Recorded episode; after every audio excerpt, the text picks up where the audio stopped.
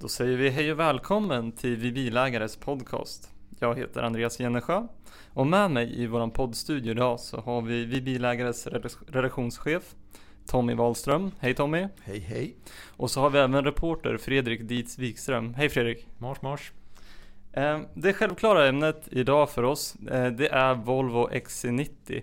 Avteckningen av den här nya storsuven som som alltid när det kommer en ny bilmodell från Volvo så är det ganska ödesmättade tongångar. Men det här är ändå en ganska viktig bil. Tommy, kommer du ihåg när första XC90 kom? 2002 visades den och den hade då utvecklats sedan 1998 startade projektet under ledning av Hans Wikman på Volvo. Mm. Vad, hur löd tongångarna då när den bilen kom? Man hade velat haft en, en SUV länge då, framförallt var det de amerikanska återförsäljarna som önskade sig en SUV från tidigt 90-tal. Men eh, eh, Volvo hade inte riktigt pengar och inte riktigt plattform så att man kunde inte komma loss med det där förrän man tog fram då nya S80. Aha. Ja precis, det var väl många som tyckte att de, man var lite sent ute i gamet när det gällde SUVar. Mm, framförallt på Amerikamarknaden, så USA var jätteviktigt och bland annat därför så hade man också en kalifornisk referensgrupp som bara bestod av kvinnor. Däribland Maud Adams, eh, svensk ättad filmstjärna som bland annat var Bondbrud i filmen Octopussy. Och eh, den här referensgruppen påtalade särskilt att det var viktigt att man kunde kliva i och ur i snäv kjol. Fredrik, kommer du ihåg någonting ifrån gamla XC90s tidiga stadier där? Ja, men det där med kjolegenskapen, den låter som väldigt viktig. För den blev ju en riktigt stor säljare till slut. Och blev väl utnämnd till Sveriges mest eh, värdefulla exportprodukt under toppåren där. 2004, mm. 2005 någonstans. Mm. Det går att prata mycket om den här och vi ska inte riktigt sätta tänderna i nya XC90 ännu. Jag är ju lite intresserad av att höra vad ni har haft för er den närmaste tiden. Vad är det för bilar som ni har suttit i? Tommy, kan du nämna någon intressant bil här som du... Ja, alltså mest intressant som jag har kört på slutet var ju BMW i8. Alltså. Otroligt häftig och märklig skapelse. Mm. Eh, sport, supersport hybridbil. Ett nytt segment. Ett helt nytt segment. Ja. Frågan är, har någon frågat efter det? Eh, men, eh, nej, men alltså en, en trecylindrig turbomotor bak och en liten elmotor fram. Det går att köra upp till 37 km säger BMW på bara el. Det var svårt i verkligheten. Vi kom 20, sen tog det slut. Men den är också ett sportläge där man då har jättemycket kraft och jättemycket omedelbart vridmoment och bra tryck när alla motorerna samarbetar. Mm. Det är supersportbil i det här sammanhanget. Det innebär att... 0 till 100 på strax över 4 sekunder.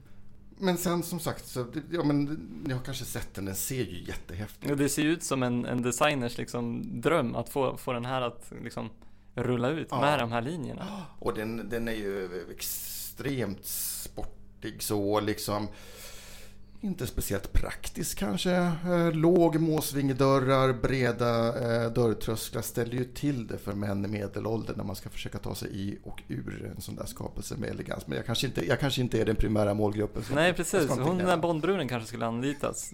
Fredrik Ja, jag tänkte precis säga det. De borde anlita Maud Adams där kanske. Ja. ja, fast jag vet inte. Snäv kjol och det där tror jag inte alls går ihop. Men det, ja. jag har inte provat så. Nej. Nej, precis. Men den här trecylindriga motorn, eh, vad, det känns inte så sportigt men, men en trepip i en Den sån här låter bil. väldigt sportig kan jag berätta och det beror ju på att man har isolerat bort motorns egna ljud och istället så har man då högtalare både på insidan och på utsidan som då, och så har man ett, ett elektroniskt skapat motorljud eh, som då ska ersätta det vanliga ljudet och, och ge, ge intrycket av en riktig sportbil. En riktig sportbil säger du, vad det innebär alltså? Nej men jag hörde någon som sa att Åh, det låter som en Audi R8 V10 och, och eh, någon tyckte att det var som en Merca AMG V8. Det mullrade. Barnen jublade förtjust när man körde förbi och tryckte gasen i botten. Ja, härligt. I övrigt, det här är en ganska så egen bil. Och, men eh, har du suttit i något mera eh, normalt? Ja, men eh, jag, jag gjorde en provkörning med Audi A3 e-tron, alltså Audis första laddhybrid i princip en vanlig A3 som dessutom har fått en elmotor på 75 kW. Som mm. då räcker till upp till 5 mils körning på bara el och sen så har den dessutom en vanlig 150 hästars bensinmotor som går in. Mm. Hur har man gjort det här då? För det här är ju en vanlig, en, en, en vanlig bil. Den, den, är inte byggd från grunden att vara en hybrid. Vart har man placerat batteri och elmotor? Ja, nej men det där är ju det, är ju det smarta med den här MQB-plattformen som Volkswagen kom med. Att från start så har ju den varit förberedd för olika drivsystem. Så därför så har det gått lätt för dem att integrera eldrift, elhybrid, gasbilar. Allt kan man bygga på den här plattan och det är smart uttänkt från början. Den kommer 50 km på el och eh, den går att köra upp till 120 km i timmen vill jag minnas bara på el. Mm. Fredrik, du har åkt en hel del i den BMW i3 som ingår i vårt långteststall. Um, vad känner du för den här bilen efter att ha stiftat lite närmare bekantskap med den under en tid här? Ja, men det är lite blandade känslor. Först så är det en jätteläcker bil. Alltså interiören är det tuffaste som finns nästan i bilvärlden just nu. Och att köra den ja, till och från jobbet med den här motorkaraktären, att all kraft kommer på en gång, det är ju jättekul. Och att den rullar helt tyst. Så hela den upplevelsen har ju varit jättetrevlig. Hur funkar den då som en alltså, åka och handla bil för din del? Den är inte den rymligaste bilen, det ska man ha klart för sig. Men eh, för kortare ärenden där man inte behöver lasta allt för mycket folk och, och bagage, då funkar den alldeles utmärkt tycker jag. Mm. Vad, vad, har den för, för räckvidd mellan laddstolparna, den här bilen? Ja, vad går den? Den... Eh, ja, konkret så går det väl ungefär 12-13 mil. Mm. Ungefär något, något i den stilen. Men sen har vi ju rexen också. Precis, sen har vi en, eh, en liten bensinmotor och en 9 liters bränsletank. Mm. Så man kan alltså utrusta sin i3 med en sån här så kallad räckviddsförlängare.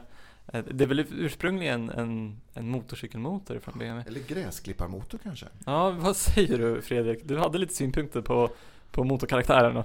Ja, alltså i, när man kör i3, man känner sig så, uh, miljösamvetet är så på topp. Men sen när då den här bensinmotorn drar igång, det känns ju som man har en gammal tvåtakt Saab som ligger precis bakom sig. Det låter förskräckligt och det är nästan så att man skäms när man rullar in på en parkeringsplats när rexen, då som den här räckviddsförlängaren heter, är igång. Mm, Men är det på utsidan det låter eller inne i kupén också? Både och. Okay. Um, Fredrik, du har ju upplevt en av de här buggarna som, som uppkom i bilen. Kan du berätta lite om det?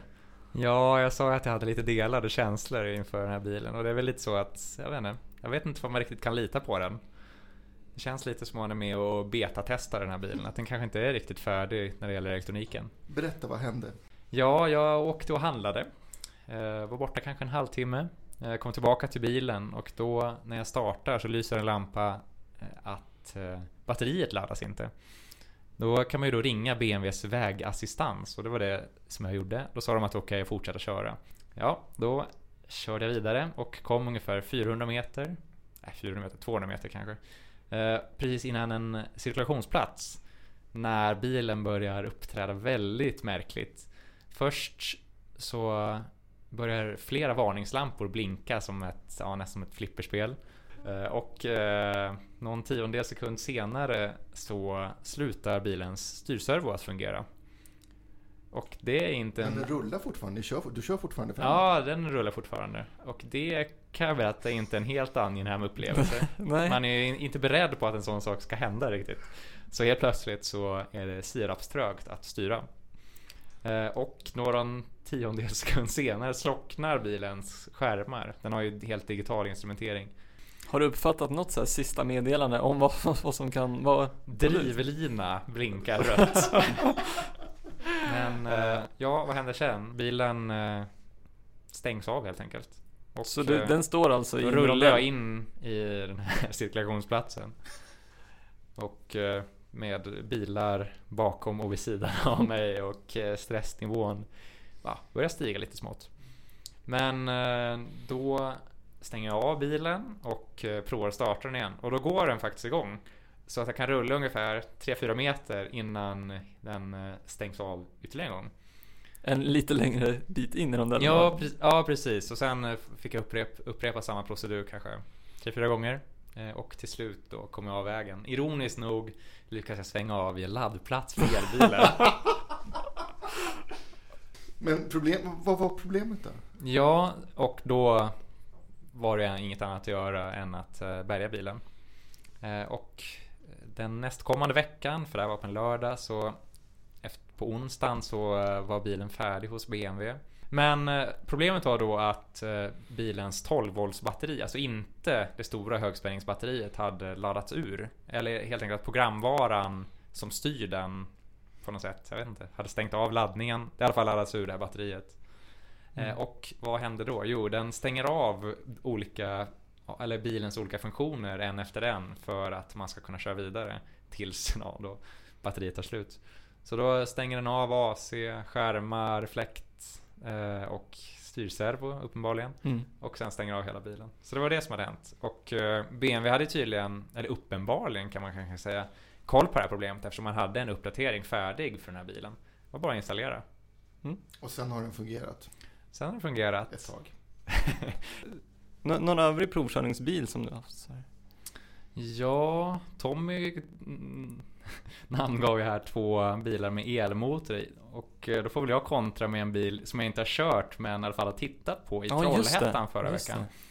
Jag var på besök hos uh, Nevs, biltillverkaren som köpte Saabs konkursbo för två år sedan.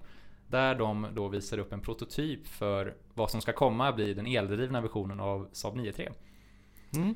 Eh, Och eh, den visade de ja, Vad ska man säga? Evenemanget var ju ganska lågmält. Det var i samband med ett, eh, en tävling på rullskidor i Var- Trollhättan. Var det här då- genomtänkt? Var, var det en plan att lägga det samtidigt? Eller Jo. en tillfällighet? Jo, men jag tror att Nevs hade lovat att ställa upp eh, i samband med det här rullskidloppet och fick man eh, stå för det och Men alltså den här bilen, det, det var ju som jag fattade rena liksom amatörbygget såg det ut som, eller?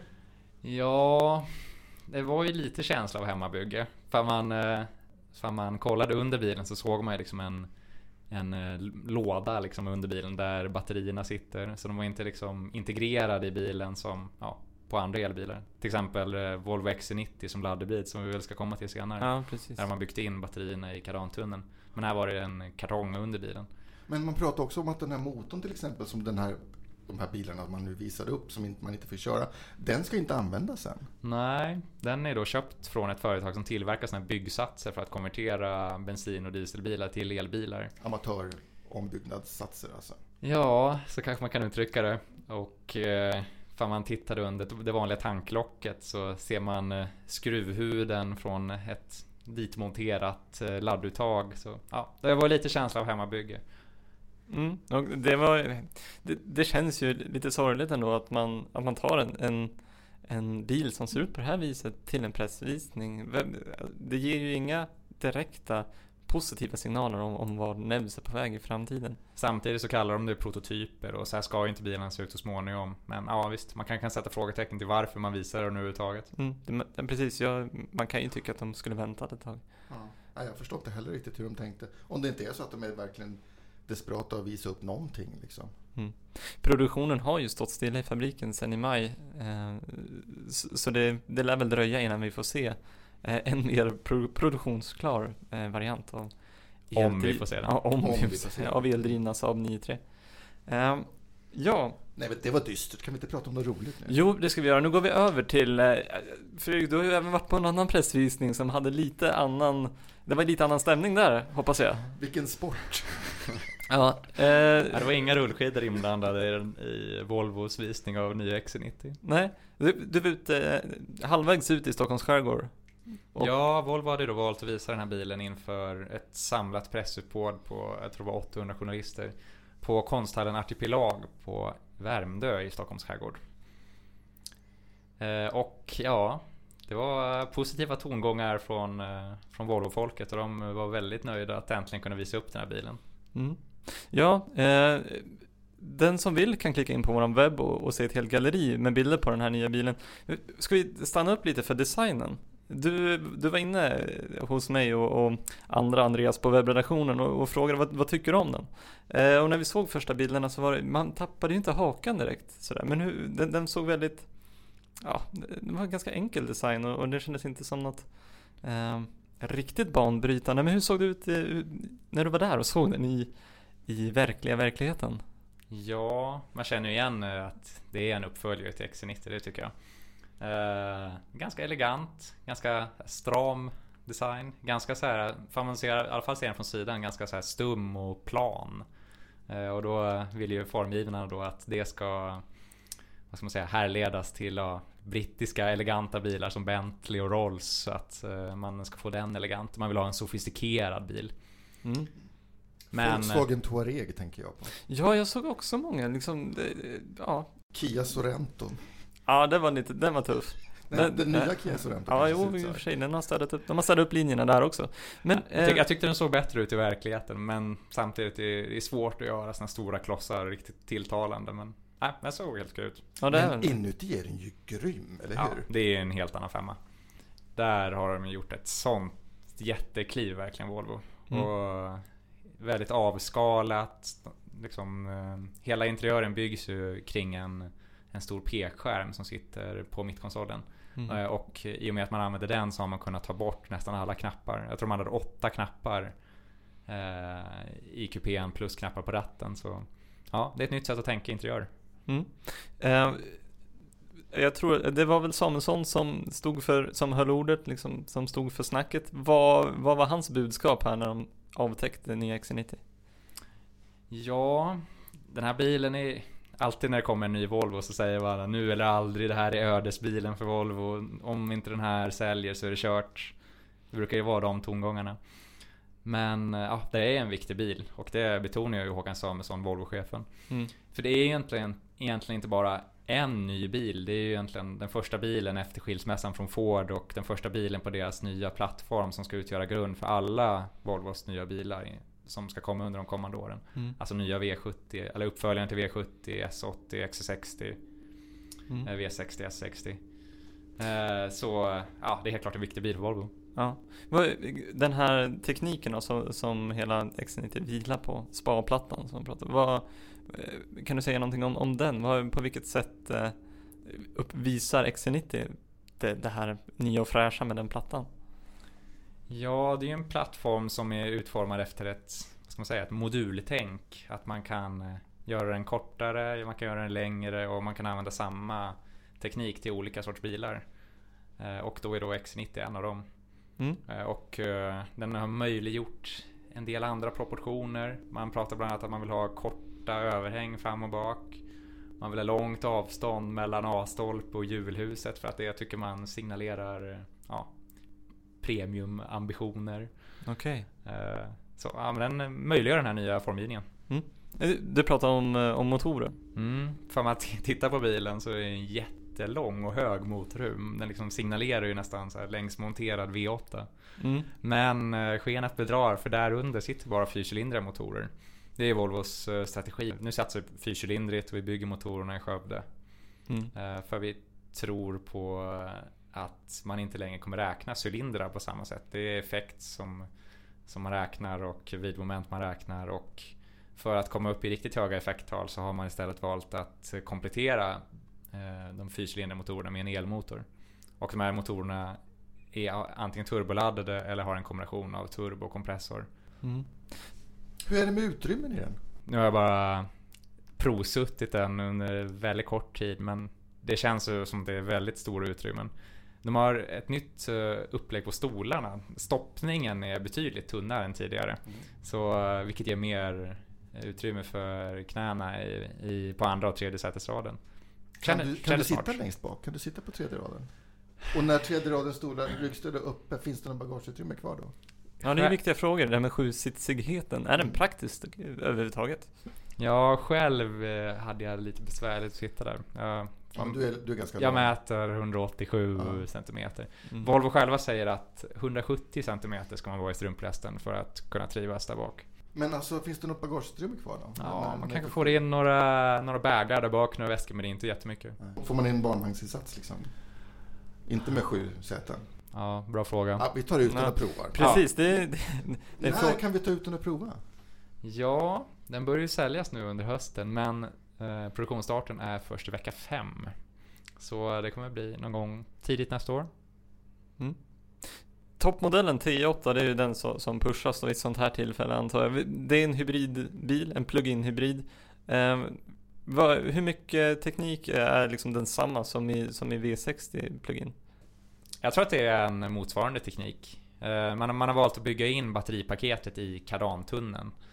Eh, Så på det sättet eh, inkräktar man inte på bagageutrymmet. Det gör man i och för sig i V60. Där har man höjt lastrumsgolvet, eh, tror jag en Mm. centimeter eller någonting. Eh, Men det har man inte gjort här. Eh, Och sen sitter elmotorn på bakaxeln. Mm, för det är ju samma system med en eldriven bakaxel och En skillnad är ju att eh, på Volvos Volvo V60 som laddhybrid har ju en dieselmotor. Ja, exakt. Medan det här är en bensinmotor. Och eh, en dieselladdhybrid verkar inte finnas i planeringen just nu i alla fall. Mm. Men här har vi lite tillbaka igen då till vi pratade om MQB-plattformen förut och att den var förberedd redan från början. Det är väl samma sak med den här SPA, eller hur? Att man har redan nu tänkt på det här med olika drivsystem säkert och, och gjort, gjort det möjligt att integrera sådana lösningar utan att behöva inkräkta på utrymmena på olika sätt. Mm. Precis. Tror jag. Precis. Men Ja, det är eh, mycket troligt. Volvos giv här är ju laddhybrider. De säger att de tror på laddhybrider. Rena elbilar, de överväger det men just nu inget för Volvo. Laddhybrider är vad de tror på. Eh, Tommy, vad tror du? Kommer den här kunna konkurrera emot eh, X5 och Mercas ML-serie? Jo men alltså det här segmentet går ju bra över hela världen som jag förstår. De rika verkar fortfarande ha pengar så de kan köpa dyra stora SUVar.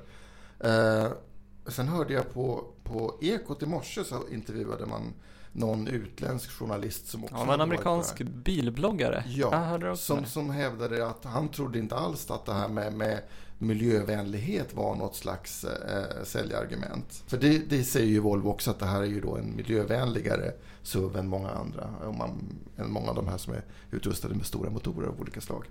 Men det trodde inte han skulle vara någon stor faktor. Nej. Vi har inte pratat om säkerheten. Nej, det har vi inte gjort. Man- det är bland det stora med den här bilen, eller? Ja, jag sa ju lite felaktigt där att det kanske var, det var de- design och, eh, nu glömde jag bort vad jag sa själv. De här två grejerna man pushade på, men säkerhet är ju en stor del av Volvo såklart. Vad är, vad är nytt på säkerhetssidan? Vilka säkerhetssystem ser vi för första gången i, i XC90? Mm, det finns ju en del nya system. Volvo säger själva att det är en självklarhet att den här bilen kommer få fem stjärnor i NCAP. Men det är inte deras huvudsakliga fokus. De är mer fokuserade på att få bra utfall i sådana här uppföljningar som gäller verkliga olyckor. Eh, och eh, nyheterna på säkerhetssidan, ja vad är det?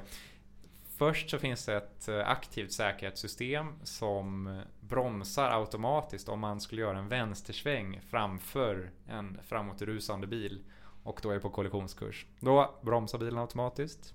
Och den andra stora nyheten är ett avåkningssystem som eh, ja, dels eh, spänner åt säkerhetsbälten om man kör av vägen och dels motverkar whiplash-skador genom att justera stolens inställningar precis innan ja, man kör av vägen då kanske. Vad händer om man tar den lite liksom till mild offroad? Kan den känna av en skogsväg eller tror den att det är en vägren och får panik och börjar dra åt bältet? Och... Ja, jag tror att Volvo har tunat de här systemen. Vi får så hoppas att inte de har ska- trimmat in där, Ja, helt jag enkelt. tror det. Men det är ju ingen bil för skogsvägar. Det är ingen folkbil här, det är Volvos dyraste bil. Man säger själv att det är i, innerstan. Kring Stureplan kommer den här, kommer den här uh, rulla. Ja det är lite intressant. De första pressbilderna som dök upp det var ju just på den här bilen när den, när den åkte omkring i Stockholms innerstad. Men det är väl ett dilemma Volvo har haft alltid, i alla fall väldigt länge. Liksom, att man ska vara en Svensson-bil i Sverige eh, och en lyxbil utomlands. Precis, så en fullsmetad XC90 den kan gå på bortåt miljonen. Ja, den här uh, värstingmodellen, toppmodellen T8 Twin Engine med två, ja, med både bensinmotor och elmotor. Den kommer nog landa på uppåt miljonen där. Mm. Men då får man ju då supermiljöbilspremie kanske. Nej, hur mycket släpper den ut? Vet du det? 60 gram. 60 gram pratar Nej, då man får om. man inte supermiljöbilspremie. Det är upp till 50 gram. Ja, precis. Ja. Det var det vi hade att säga om nya Volvo XC90 så här långt. Eh, Fredrik, har du något mer som du kommer att tänka på som du skulle vilja slänga med? Är det här framtidsbilen för Volvo? Ja, jag kan väl eh, säga att ni kan läsa mer om eh, Volvo XC90 i nummer 12 av pappersutgåvan av bilägare. Och där tar jag upp den frågan bland annat. Ja, vi kan säga det att om du inte får nog av eh, våran pappersupplaga, tidningen som kommer ut två gånger i månaden, så hittar du senaste nytt ifrån bilvärlden på vår webbplats vibilägare.se. Eh, vi finns även på Facebook, gå gärna in och gilla oss där, så får du även senaste nyheterna i ditt Facebookflöde. Eh, för den som använder Instagram och Twitter så kan ni även finna oss där på snabel vibilagare. Den här podcasten kommer dyka upp på webben. Du meddelas även också på Twitter eh, och på Facebook direkt när poddavsnittet ligger uppe. Då vill vi bara säga tack till dig som har lyssnat på vår podcast och eh, håll utkik på vår webbplats och på sociala medier för nästa avsnitt. Tack och hej!